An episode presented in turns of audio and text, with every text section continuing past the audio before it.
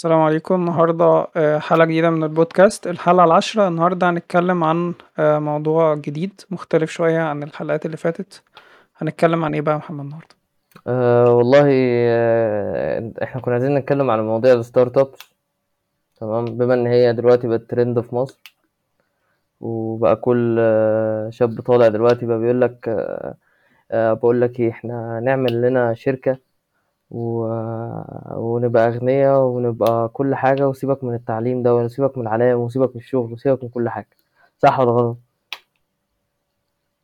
مظبوط هي ال startups عموما هي ال...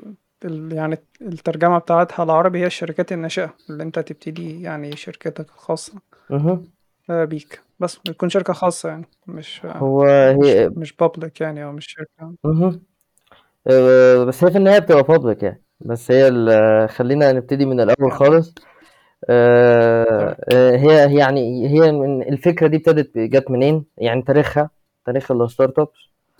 وبعد ما تبقى عندك ندي نبذة صغيرة عن تاريخ ال startups. آه، نعرف يعني إيه startups ونشوف تأثيرها في المجتمع شكله إيه.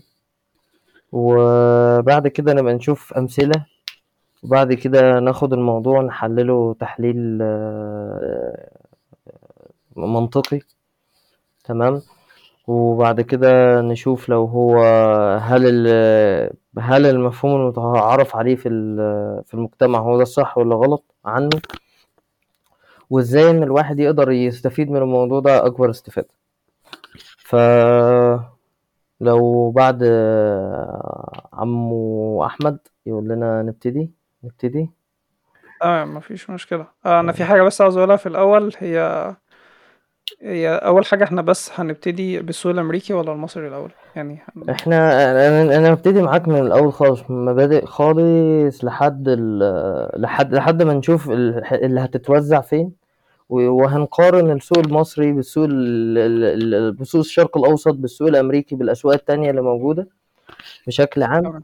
آه، خلينا بس نتفق على كذا حاجة. المقصود بالسوق آه، هو المنطقة. يعني المنطقة والتعاملات ال- المالية في منطقة ما آه، ده ده تع... يعني ده تعريف شامل عام وشامل مش. يعني هو مش دقيق جدا بس هو هيبقى هيديك نبذة عن آه، إن أنت تقدر تستوعب ال- الفكرة نفسها خلينا نبتدي الأول. آه، دلوقتي يعني ال startups ال startups دي آه، دي كلمة إنجليزي معناها زي ما أحمد قال إن هي شركة ناشئة.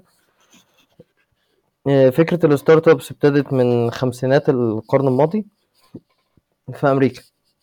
تمام؟ آه، لو أنت عشان تبقى فاهم فكرة الكلمة نفسها أو فكرة المفهوم نفسه لازم تبقى فاهم يعني إيه رأسمالية. دلوقتي في عندك آه، إن أنت عندك آه، يعني الرأسمالية هي إن أنت عندك حرية التقرير آه، العمل بتاعتك حرية العمل حرية الحركة حرية التعبير الكلام ده كله. دي كلها حاجات جاية من خلال الرأسمالية بس الرأسمالية في الأول وفي الآخر هي حاجة واحدة وهي السوقية إن هي بتقدر رأس المال. تمام؟ فإن رأس المال هو اللي بيحدد حركة السوق. إن رأس المال لو أنت معاك فلوس تقدر تقول تقدر ت... أنت معاك فلوس تقدر تحرك السوق تقدر ت... تقدر تنتج حاجة تقدر ت... تنشئ حاجة تقدر تبيع حاجة تقدر تشتري حاجة. ده لو أنت معاك فلوس ومعكش لو معكش رأس مال أو معكش فلوس فأنت معكش حاجة أنت ما تقدرش تغير حاجة. فطبعا رأس المال ده بيجي في صور متعددة مش شرط إن أنت يبقى معاك آه، يبقى معاك فلوس ممكن يبقى معاك وقت مجهود شهادات ومقرات الكلام ده كله. فنيجي بقى على فكرة الموضوع ده على رأس المال. فدلوقتي أنت لو بني آدم واحد عايز تعمل شركة وعايز تعمل مشروع في حياتك وعايز عايز تعمل تغيير في المجتمع بشكل عام آه، عايز تبقى شخص فعال. انت عايز تبقى مدير شركة عايز تبقى عايز تبقى بتنتج حاجة عايز يبقى معاك فلوس عايز تبقى غني الكلام ده كله بس انت فلنفترض ان انت ما عندكش فكرة انت ما عندكش حاجة اسم... انت ما عندكش رأس مال صح يعني انت انت انت انت واحد بسيط آه، يعني آه، ما عندكش رأس مال ومش قادر تتحرك ولا قادر تتصرف فتعمل إيه ففكرة ال startup هي فكرة هي عبارة عن فكرة ان انت تبتدي تعمل مشروع صغير تمام؟ إن أنت بدل ما تبتدي المشروع زي ما أنت كنت عايزه، زي ما كان الناس بتبتدي فيه زمان على مَر الآلافات السنين البشر كانوا بيعملوا فيها حِرَف وشركات، يعني لو إحنا أطلقنا كلمة شركات على مثلًا واحد فاتح ورشة، فدي شركة، دي تعتبر شركة، لإنه فاتح ش ليه دخل وليه مخرجات وليه مفردات والكلام ده كلّه، أي نوع من آآ من أنواع الإنتاج يعتبر هو تعتبر شركة. فلمّا أنت تيجي تفكّر في الموضوع، هتلاقي إن أنت مثلًا لو أنت كنت عايز تفتح زمان مثلًا في ال خلّينا مثلًا نرجع مثلًا مِيّة 100 سنة، 120 سنة، تمام، أنت كنت عايز تفتح ورشة، فكان لازم يبقى معاك المبلغ الفلاني علشان تعمل المشروع الفلاني، علشان تجيب المَكَن الفلاني، علشان تعمل البتاع الفلاني، تمام، فم فلو أنت ما كانش معاك المبلغ وقدره، وأنت ما كانش عندك أي أمل إن أنت ت تعمل الموضوع ده، فده كان بالآتي كان بالتالي كان بيمنع ناس كتيرة أوي من إن هي تحقق طموحها وإن هي تقدر تحط إنتاج في المجتمع، يعني بمعنى أصح إن أنت الناس ال الناس اللي هتبقى الناس اللي هتشتغل دي، ما هي هتحط إنتاج في المجتمع وهتخلق قيمة، زي ما إحنا قُلنا في الحلقات اللي فاتت، إن أنت بت يعني إن أنت القيمة هي عبارة عن العمل والشغل، فأنت الناس دي هتخلق قيمة والناس دي ليها فايدة للمجتمع، غير إن هُم ليهم فايدة لنفسهم، بس هُم مش قادرين يبتدوا علشان النظام بيحكمهم بذلك، اللي هو إن أنت لازم يبقى معاك رأس مال، أنت مع لازم يبقى معاك فلوس عشان تعمل فلوس. تمام معايا لحد هنا؟ بس، فكنا ال الدنيا كالآتي، إن أنت كان لازم يبقى معاك فلوس عشان تعمل فلوس. فبس، فالفكرة كلّها ابتدت تظهر فكرة إن أنت طَب إيه رأيك إن أنت تبتدي المشروع صغير؟ ومن خلال ال الم المنتج الصغير ده، بدل ما إن أنت تبقى بتنتج ربح من من المنتج الصغير ده، إن أنت تاخد الربح بتاعه وتحطه في المشروع وتبتدي تكبّره. بالنسبة لنا الأفكار دي جديدة جدًا، تمام، آآ بالنسبة لنا الأفكار دي مُعتادة، بس بالنسبة للبشر في الفترة دي كانت الأفكار دي جديدة جدًا. ف إن أنت تاخد الفلوس اللي أنت المكسب يعني وبعد كده تعمل لها reinvest يعني في المشروع أو تستثمرها تاني من الأول في المشروع؟ آه، آه، ده اللي لإن أقصد أقصده يعني. آه، لإن لإن في نقطة صغيرة، لإن زمان ما كانش في عندك فكرة ال إن أنت ما كانش عندك في حاجة اسمها تقييم للشركة مثلًا، ما كانش في حاجة اسمها إن أنت تبيع تبيع وتشتري شركة، ما كانش في حاجة اسمها الكلام ده يعني ما كانش في حاجة اسمها ما كانش في عندك stock market، كانش في عندك تقييم للفكرة دي، الكلام يعني ال ال البورصة ال الب البورصة نفسها فكرة البورصة ابتدت في ال1700 تمام، في آه. ال1700 ابتدت البورصة بشكل يعني بشكل بسيط جدًا، ابتدت في في فينيس اللي هي فينيسيا أو البندقية، البندقية ف في اسمه إيه ده، في إيطاليا وابتدت في هولندا، تمام، في أمستردام، لإن هُم دُولة اللي كانوا. بيتاجروا وكانت الفكرة بتاعتهم إن هُم من خلال التجارة العامة دي إن هُم كانوا بيحطّوا فلوس كمشاركات علشان يكبّروا الب الbusiness بتاعهم، بدليل إن أكبر شركة في تاريخ الكوكب تمام، هي شركة هولندية آآ كانت بتبيع وَرْد. آآ ت عارف اسم الشركة دي؟ آه، اسمها Eastern Dutch Company. صح، أنا افتكرتها دلوقتي فعلًا،. آه. فدي كانت التقييم بتاعها عشان التقييم بتاعها كان 7.9 تريليون دولار بفلوس دلوقتي. تمام، آآ اللي هُم هي أكبر شركة في التاريخ كمان، ما فيش شركة لغاية دلوقتي وصلت لها يعني. يعني مايكروسوفت حُط مايكروسوفت وجوجل وأبل وكولا وبيبسي وكل الشركا يعني ال top تقريبًا هات أول 10 في العالم حُطّهم مع بعض هيعملوا الشركة دي. وده يبين لك قد إن ال آه،. إن إن السوق الغير م الغير مُقنّن بيبقى بيأثّر بيعمل حاجات غريبة. نرجع تاني للخمسينات و وبعد ال الحرب العالمية الأولى والتانية وبعد ال اسمه إيه ده الgreat depression آآ كان في اسمه إيه ده آه، ركود اقتصادي حصل في العشرينات في 1928 29 1929 28 آه، خلى تقريبا آه، كان في نسب البطالة طلعت لتقريبا آه، 40% حاجة كده ودي نسب طبعا يعني نسب البطالة عندنا في مصر 12% أو 20% يعني خلينا كده أهو نشوف نبص بصة صغيرة ده بالنسبة للسوق الأمريكي صح؟ ولا أنت بتتكلم عن حاجة تانية؟ ده ده مش بس بالنسبة للسوق الأمريكي لأن الأسواق كلها اتأثرت بالسوق الأمريكي يعني ال- السوق العالمي كمان؟ السوق العالمي اتدمر ما أنت ألمانيا حصل فيها ألمانيا ليه ال- الاقتصاد بتاعها اتدمر وليه الحزب النازي جه علشان الناس فلست الناس فلست عشان الجريت مم. ديبريشن طب اشرح إيه ال great depression بالمرة عشان يعني ال great ده حدث مهم depression في التاريخ الجريت يعني. ديبريشن ده انت حاجة ممكن تشوفها في ال- في خلال ال- السنين القادمة أصلا حاجة شبهها. آه، اللي حصل كالآتي آه، إن آه، الاقتصاد نفسه ابتدى ينزل. كان حصل ركود اقتصادي في فترة آه، لأن كان في آه، اسمه إيه ده؟ يعني كان في شركات اتفكت اللي هي ال- كان في ال anti-trust laws وال anti-monopoly laws تمام؟ فالشركات القديمة يعني الكبيرة قوانين منع الاحتكار آه، يعني بالظبط مم. اتحطت في السوق ففي شركات كبيرة اتفككت. وبعد ما الشركات الكبيرة دي اتفككت اللي حصل كالآتي إن الشركات دي تقييماتها نفسها وحجمها وقوتها في السوق ضعفت لأن هي بقت بتنافس بعضها بتنافس نفسها كمان. فبما اللي حصل كده الناس ابتدت تقلق على السوق. وبعد ما يعني هو كان قلق عام بشكل على بشكل على السوق لأن كان في عوامل أخرى العالم كان لسه طالع من حرب عالمية أولى وكانت كل ال- الأسهم وال- والفلوس اللي كانت محطوطة في أوروبا نوعا ما اتدمرت.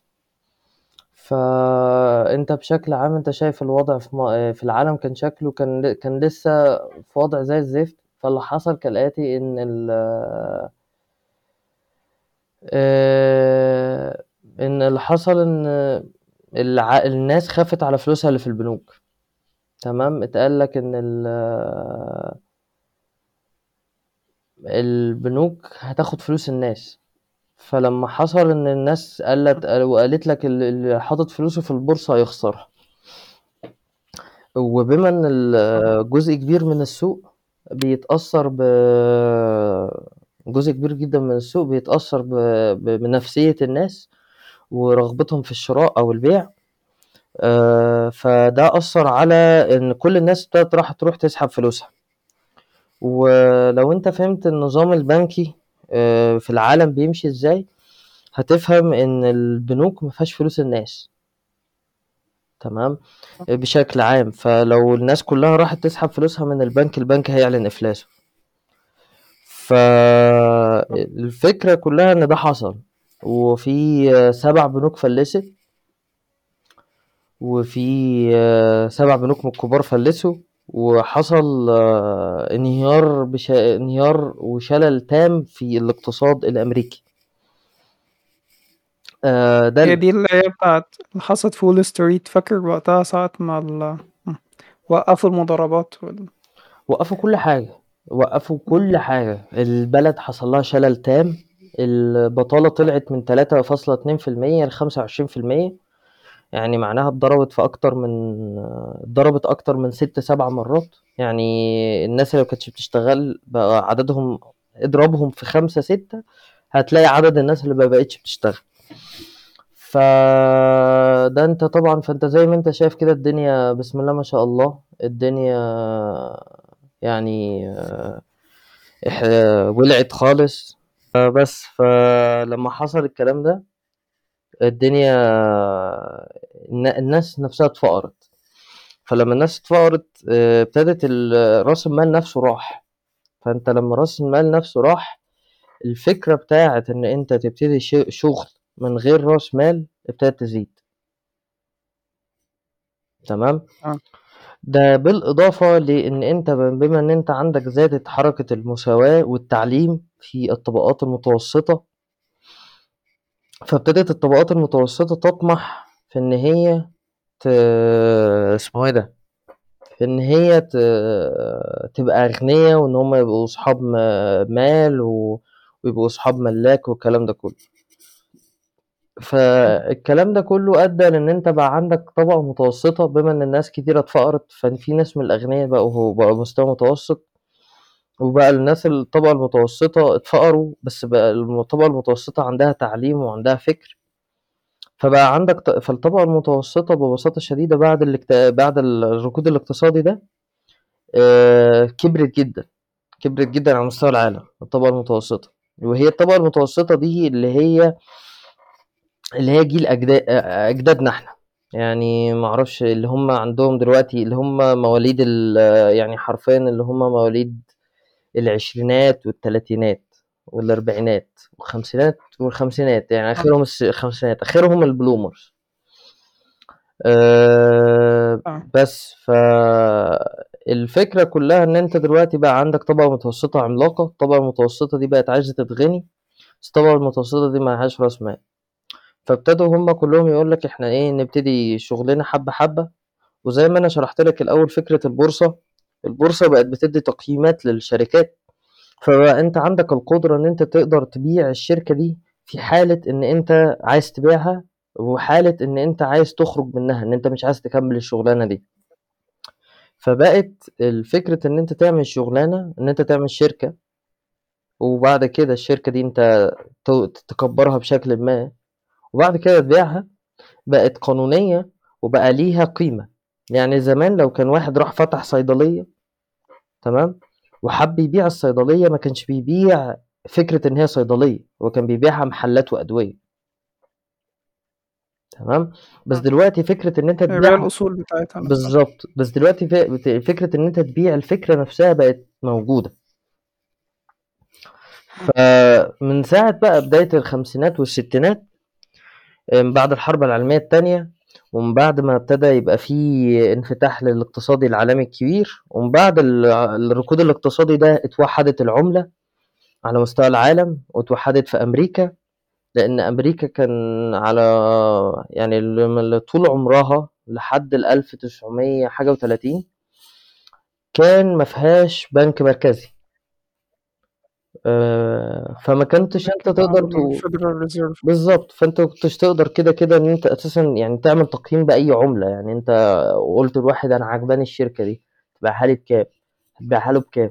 آه هو عنده دولار وانت عندك دولار وانت عندك ت- فكرة وانت عندك فكرة وانت بتضرب في بورصة دي وانت بتضرب في بورصة دي. عمليات التحويل بترهق وبتبعد الواحد عن ان هو يتعامل في التعاملات دي أو يبحث عن الفرص دي. بس اللي حصل إن بما إن العملة اتوحدت بعد الحرب العالمية التانية استعمل الدولار اتعومت 90% من عملات الكوكب وبعد كده اتوحد الاقتصاد العالمي وبقى كله مرهون بعملة واحدة اللي هي الدولار. بقى حركة التجارة الد- الدولية وحركة ال- الاقتصاد العالمي بقت مسهلة للغاية.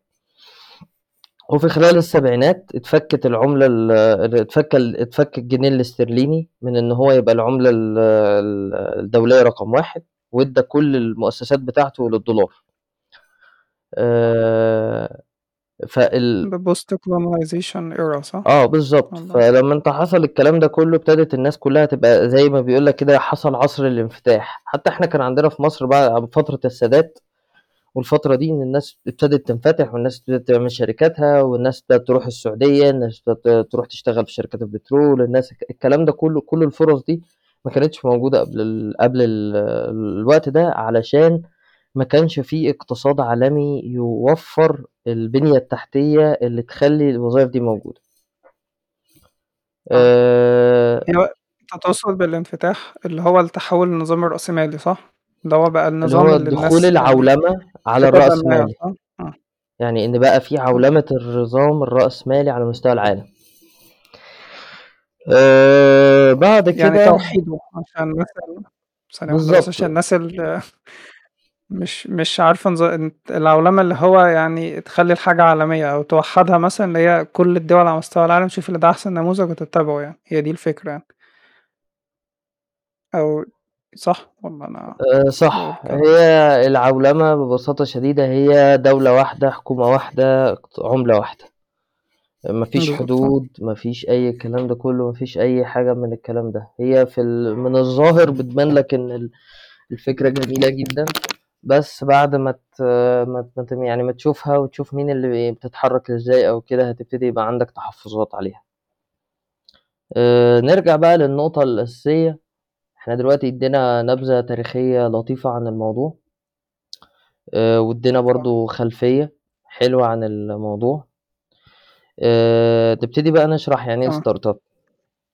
آآ دلوقتي فكرة إن أنت يبقى عندك startup كالآتي، إن أنت بتبتدي تعمل مشروع صغير، وتبتدي إن أنت تدوّر على إن أنت ت ت تخلّيه يبتدي يشتغل، بمجرد ما هو يبتدي يشتغل تبتدي تدوّر على آآ شُركا ليه.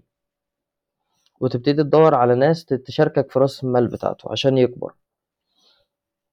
تمام، بعد ما أو توصّل المجهود يعني مش رأس المال بس. إمم. آه، يعني هو لأ بيبقى م يعني ماشي، المجهود ممكن آآ تمام، إن أنت بتدوّر على partners يعني. آآ بعد كده بتوصل لنقطة بتوصل لنقطة آآ معيّنة، وبعد كده بتبقى أنت بيبقى وفي مقابل إن أنت بتدوّر على شُركا أو كده، إن أنت بتبيع أسهم الشركة أو بتبيع جزء من الفكرة.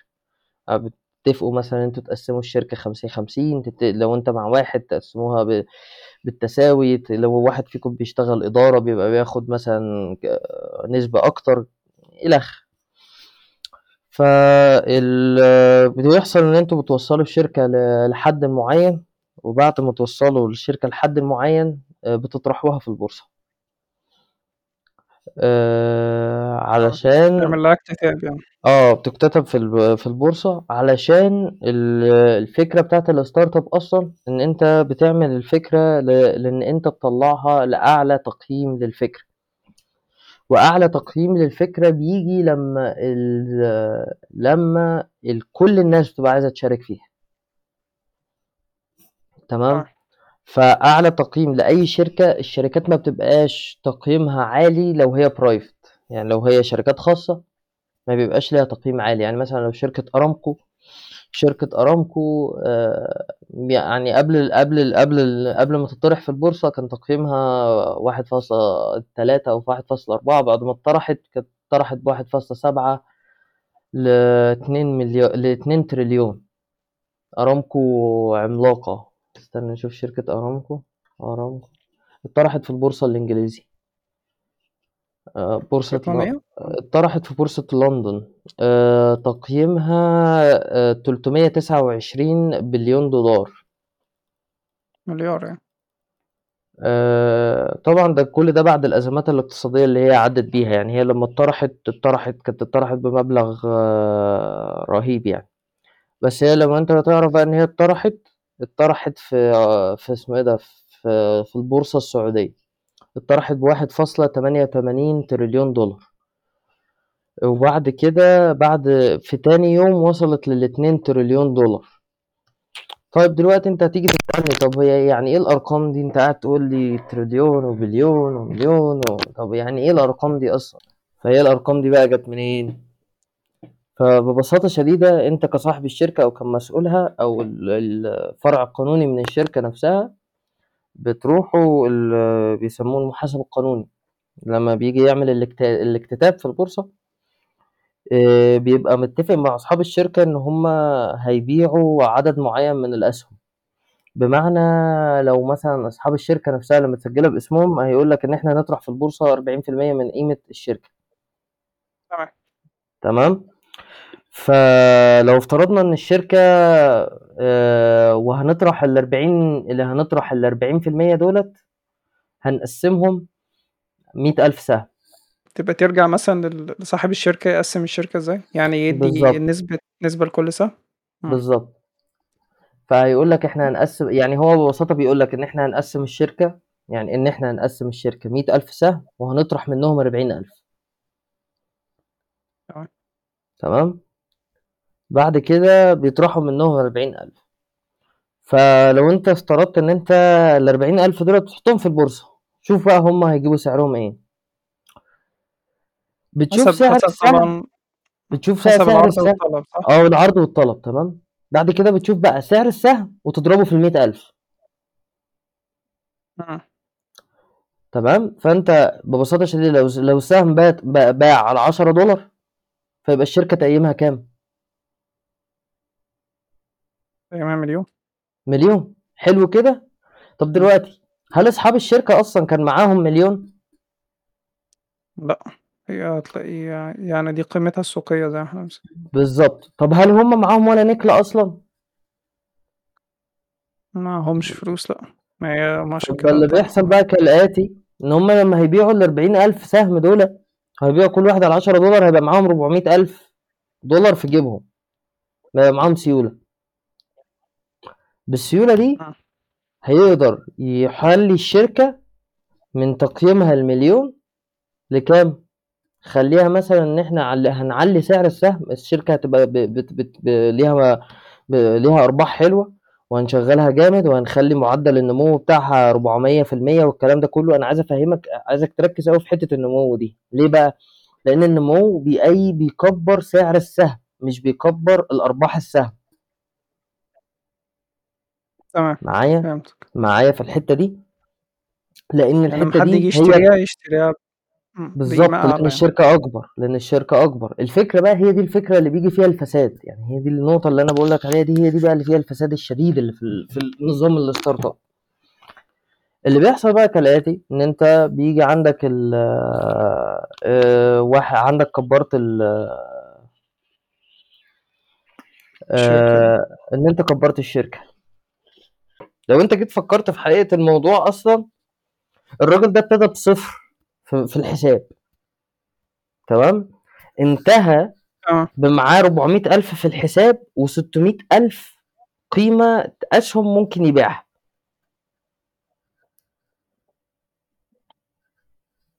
هو إزاي عمل فلوس كده من من تقريبا لا شيء يعني صح؟ ما هو ما هو ده بقى اللي أنا ما هو ما هو ده اللي يعني دي بقى الأسباب اللي أنا هقولها لك هنحلله بتحليل منطقي. هو ده اللي أنا كنت بقى عايز أقوله لك اللي هي فكرة التحليل المنطقي للموضوع. آه. فال أنت بقى لو أنت بتفكر في الموضوع بقى كده دلوقتي الراجل بقى معاه 400 ألف في حساب الشركة وحسابه الشخصي بقى فيه 600 بقى, بقى يعني وحساب أصحاب الشركة تمام؟ بقى فيه آه 60 ألف سهم تمام ستين ألف سهم كل سهم بعشرة دولار ممكن يبيعوهم بعشرة دولار تمام فلما يجي مثلا يقول لك بيل جيتس قيمته كذا لما يجي يقول لك قيمته كذا ده بقيمته في الشركة ده بقيمته في شركته الكبيرة لكن هو السيولة اللي معاه ممكن ما تكونش أساسا ربع.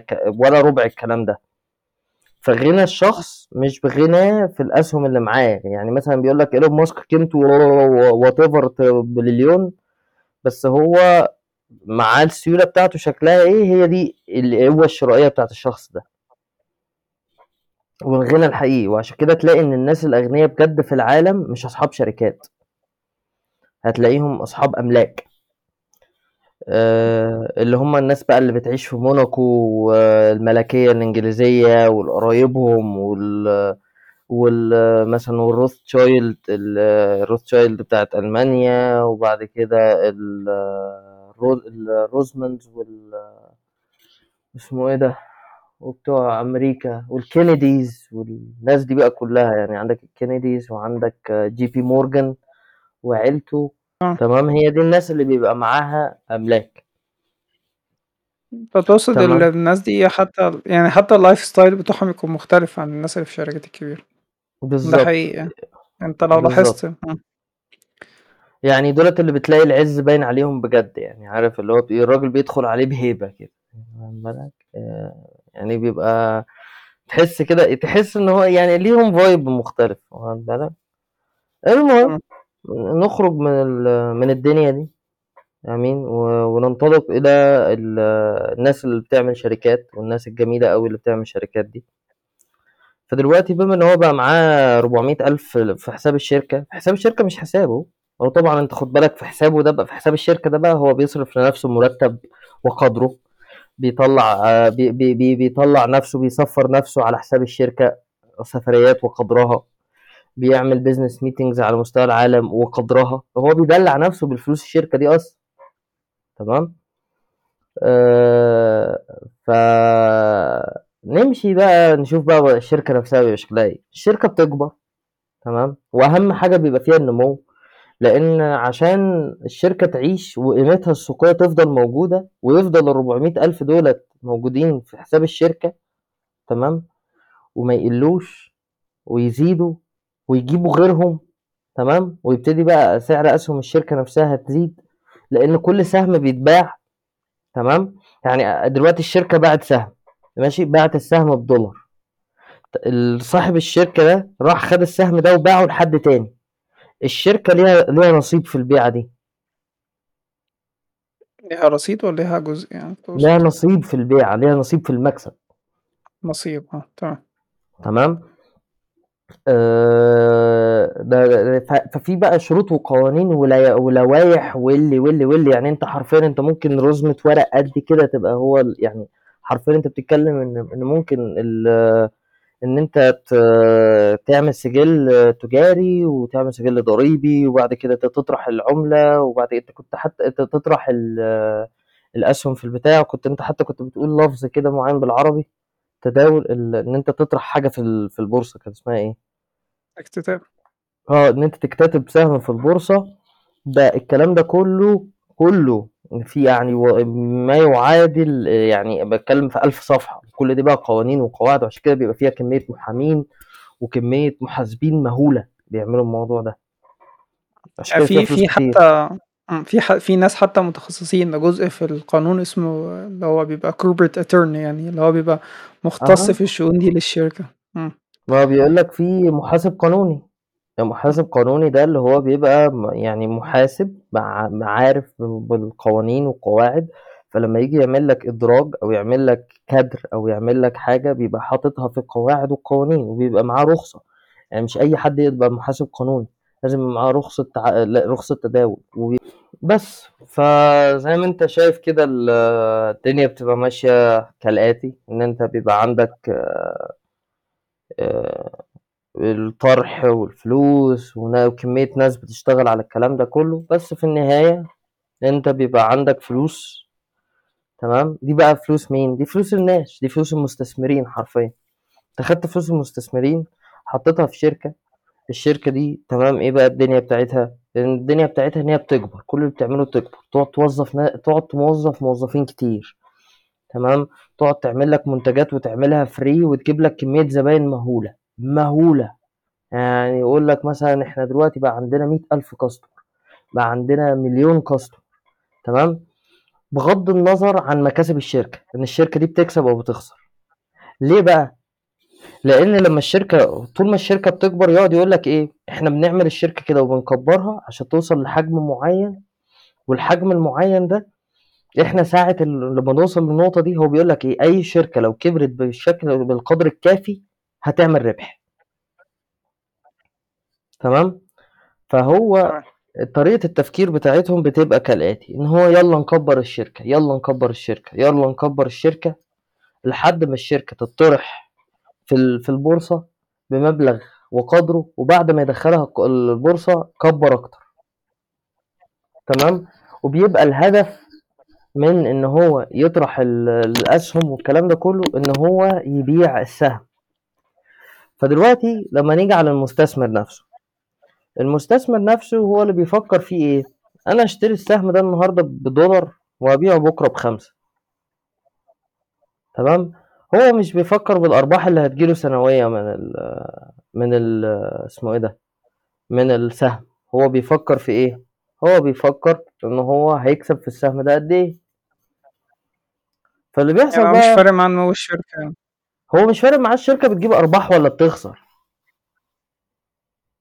هو فارق بس اللي هو قيم قيمتها السوقية تزيد يعني، بس. آه، إن إن الناس عارفة عنها والّا لأ، يعني الناس عارفة عنها والناس شايفة إن هي حاجة ناجحة والّا لأ، تمام. فعملت ال بعد ما أنت عملت ال الدنيا دي كلّها وده بالنسبة للمستثمر. طيب دلوقتي ده ده المستثمر اللطيف ده، ده بقى اللي هم الناس بتاعة الwall street تمام، والناس اللي هي أصحاب الشركات الاستثمار والناس اللي هي فاهمة في السوق أوي. هو بيبقى داخل شاري السهم ويقول لك كذا، كذا، كذا، تلاقي بقى في عندك مصطلح في الstartup اسمه venture capitalist. VC. فتل تلاقي بقى venture capitalist ده هو واحد بيدوّر على الشركات الصغيرة ويحاول يكبّرها.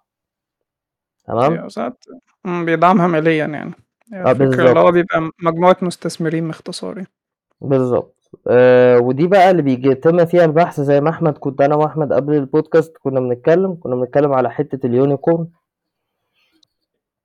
هو هُم بقى إمم، هو الunicorn اليوني ده مصطلح يعني ممكن هو ده نعرّفه معناه باختصار. وح و هو معناه وحيد القرن، حصان كده حصان وليه قرن كده وبينوّر وبيجري على قوس قزح تمام، وهو ك يعني هو كائن خيالي تمام، مش موجود، وهو تعبير عن أي حاجة مستحيلة الوجود أو نادرة الوجود.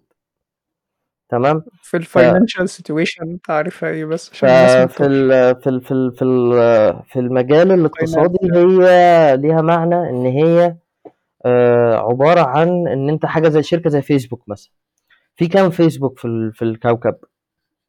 آآ هي في. كام أمازون؟ شركة فيسبوك. هي شركة فيسبوك. عمومًا يعني هي هي دي. ببساطة يعني ببساطة هي عمومًا الunicorn هي في السوق الأمريكي معناها الشركة اللي الشركة الناشئة اللي قيمتها السوقية بتعدّي ال المليار دولار. دي تعريف الunicorn أو أكتر يعني. هو لعلمك هو زي ما باقول لك هو ده تعريف الunicorn اللي هو يعني ده مش يعني ده ده التع التعريف اللي أنا قُلته أشمل للأسواق اللي القوة الشرائية اللي فيها ما تعدّيش المليار دولار.